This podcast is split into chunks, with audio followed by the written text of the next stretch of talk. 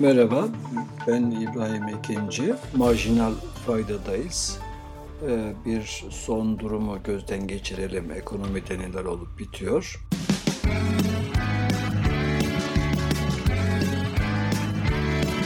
Kulağınız bizde olsun. Kısa Dalga Podcast.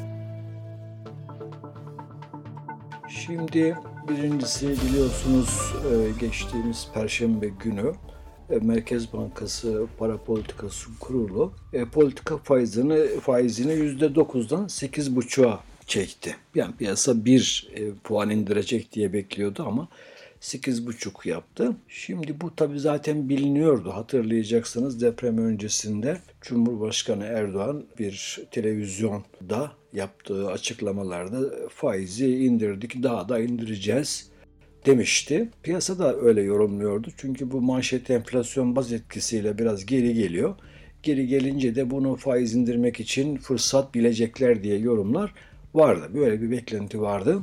Gerçi Merkez Bankası bu faiz indiriminden sonra yaptığı açıklamada bu indirimi deprem için, deprem dolayısıyla e, işte ekonomik kayıpların yerine konması, ekonomik büyümenin desteklenmesi için yaptığını söyledi ama e, bunun talimatlı bir şey, deprem öncesi talimatlı bir şey olduğunu herkes biliyor. Doğru, ekonominin de desteklenmesi gerekmiyor mu? Gerekiyor. Çünkü bu depremin de büyüme üzerinde bir ciddi kayıp yaratacağı 0,5 puan, 0,1 puan hatta 0,1,5 pardon 1,5 puana kadar bir olumsuz etki yaratabileceğine ilişkin analizler var. Bunu tabii daha netleşmesi için biraz daha beklemek gerekecek.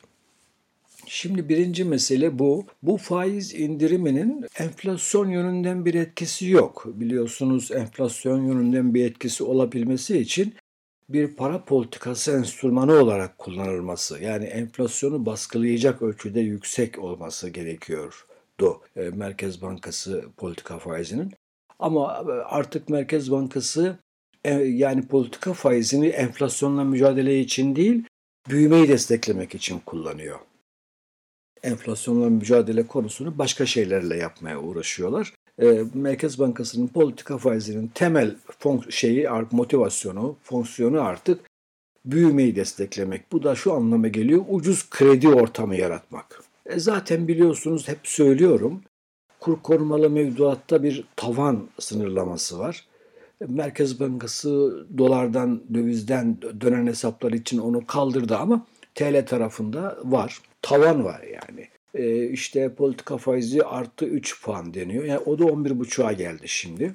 Dolayısıyla bankalar kur korumalı mevduattan %11,5'tan, efendim Merkez Bankası'ndan 8,5'tan kaynak buluyorlar. Bu kaynağı da devlet e, şirketlere ucuz kredi olarak kullandır diye baskı yapıyor. Yani dolayısıyla politika faizinin artık işlevini enflasyon yönünden e, tartışmak yanlış. Sadece büyümeyi destekliyor. Nitekim hükümet zaten aslına bakarsanız Merkez Bankası'nı da herhangi bir kamu bankası gibi büyümeyi destekleyen bir kuruma dönüştürmek istiyor. Ve şu anda da zaten öyle bir fonksiyon oynuyor.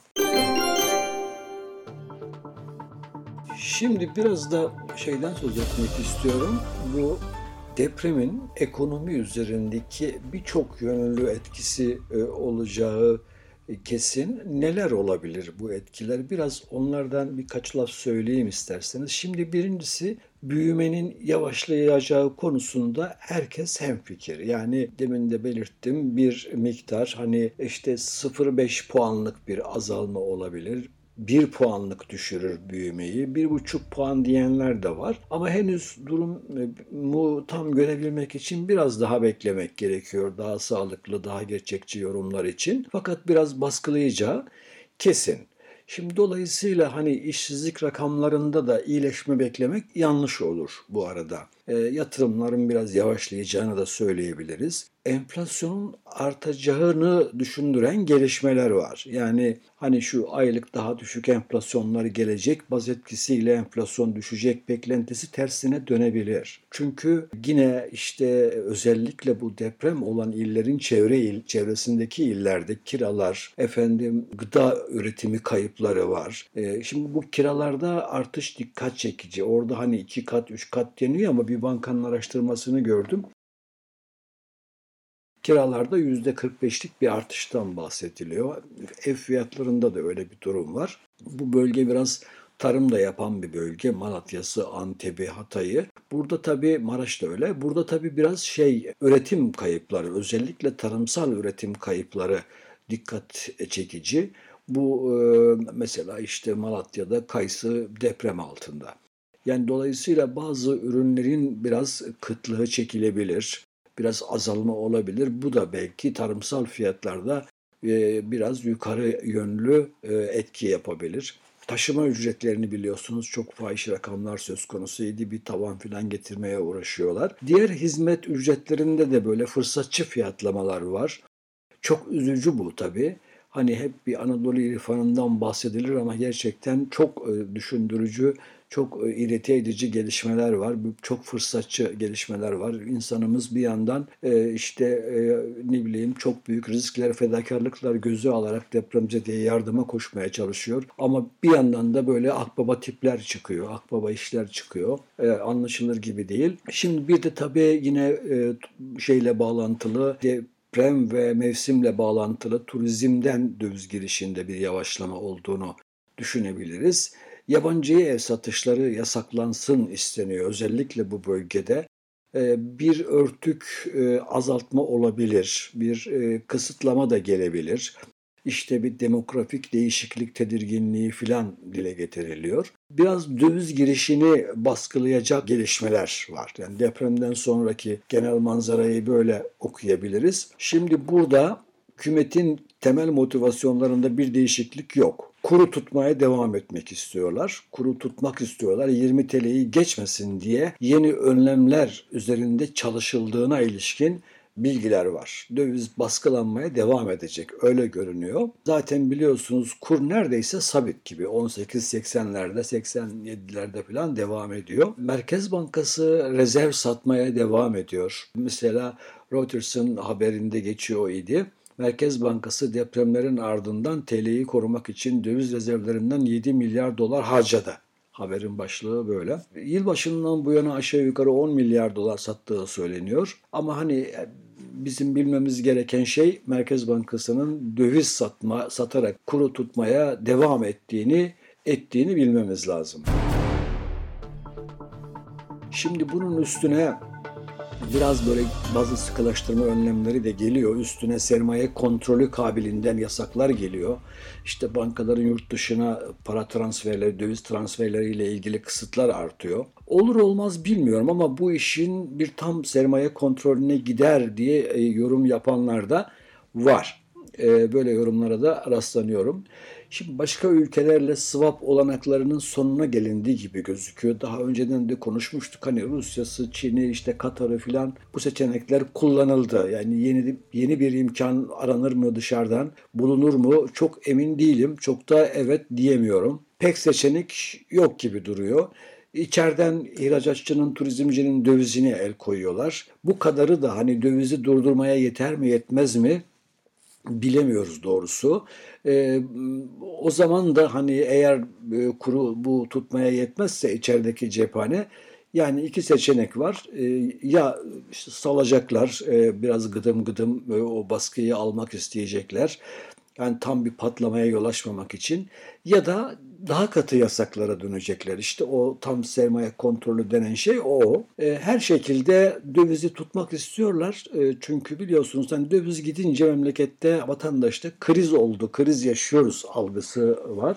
Seçime giderken de hükümet bundan kaç, kaçmak istiyor.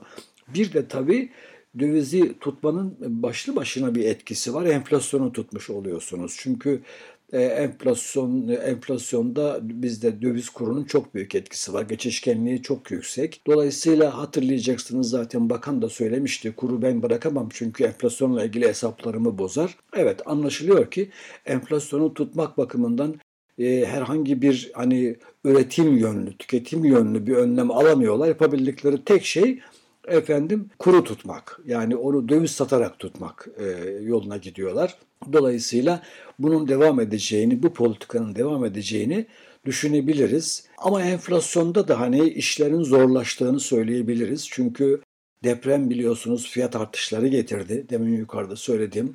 İşte kira, efendim taşıma ücretleri, gıda işte e, gibi bazı e, hizmet e, fiyatlarında artışlar var, ciddi artışlar var.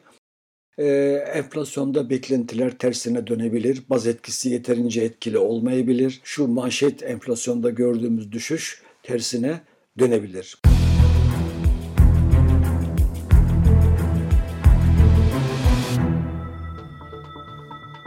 Bu zaten kendisi de başlı başına hani bu enflasyonist gelişme de kuru yukarı e, itiyor. Yani kurda en azından hani yukarı yönlü baskıyı artırıyor. E, çünkü hani e, kur e, döviz sahibinin temel amacı ne? Hani o da enflasyona tasarrufu ezilmesin istiyor. Dolayısıyla orada bir rahatsızlık oluyor. Şimdi döviz ihtiyacı artıyor bir yandan bir yandan merkez satmaya devam ediyor. İşte neler olabilir sorusunun cevabı Merkez Bankası ihracatçının, turizmcinin dövizini alarak ne kadar çevirebilir bunu?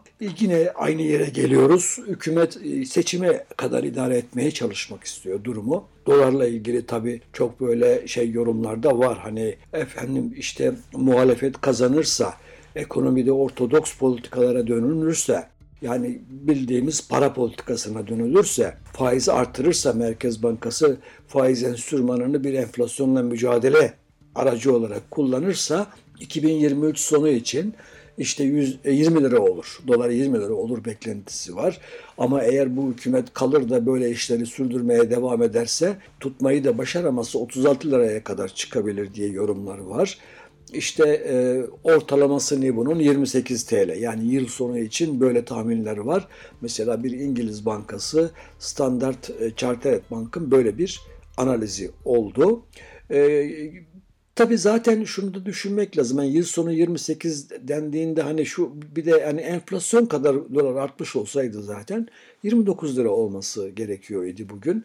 Dolayısıyla burada hani e, dolar enflasyonun altında kaldığı için bu da başlı başına bir arıza durumu yaratıyor.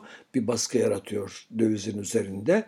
İşte dediğim gibi hükümette tutmaya uğraşıyor. Bu iki kuvvet arasındaki çarpışmadan nasıl bir sonuç çıkacağını e, bekleyip göreceğiz. Şimdi bir faiz yarışı da gözleniyor bu aralarda. Onu da söyleyeyim faizlerde ufak ufak artışlar var. Bankalar biraz daha e, azıcık bir iki puan daha fazla faiz vermeye şey yapıyorlar. Bunun nedeni şey yılbaşına yılbaşına kadar 50 idi ama yılbaşının 2023 itibariyle bankaların e, kasalarındaki mevduatın %60'ının TL olması zorunluluğu gelmiş oldu. Yani para otoritesi, BDDK'sı, Merkez Bankası diyor ki ey banka sen döviz mevduatını azalt kardeşim, azaltacaksın. Nasıl yapacağını beni ilgilendirmez, azalt. Senin mevduatının %60'ı TL olacak.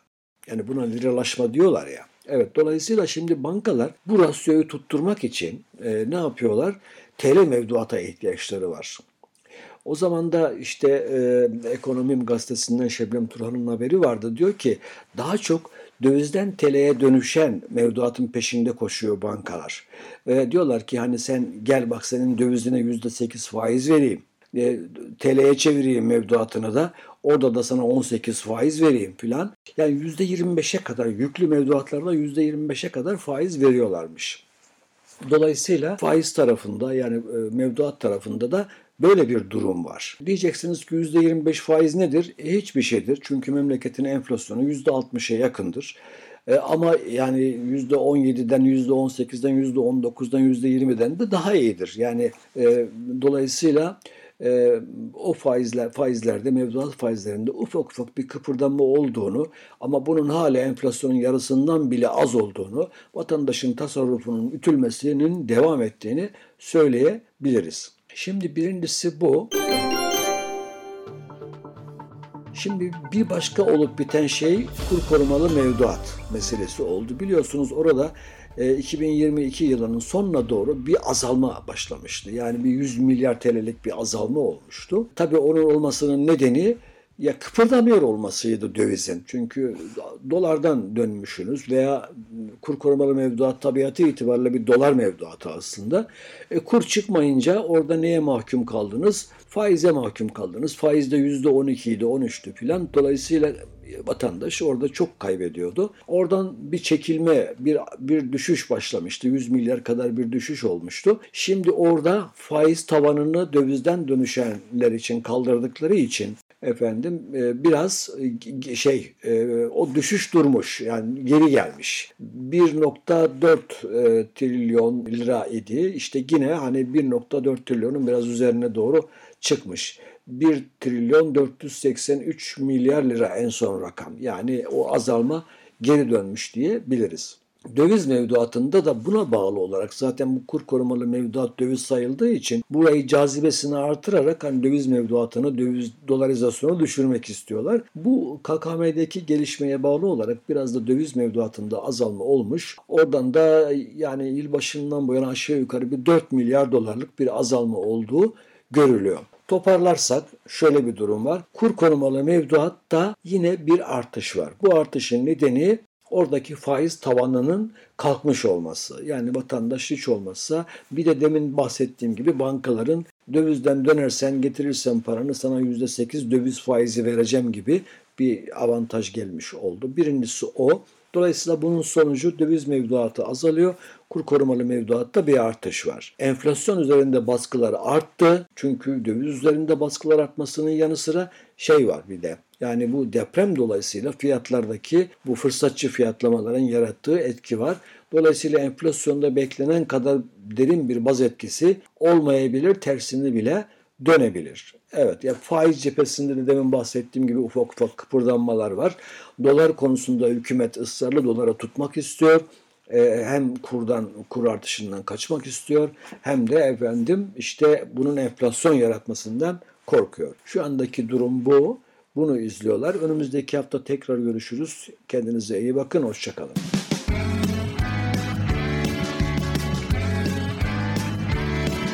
Kulağınız bizde olsun. Kısa Dalga Podcast.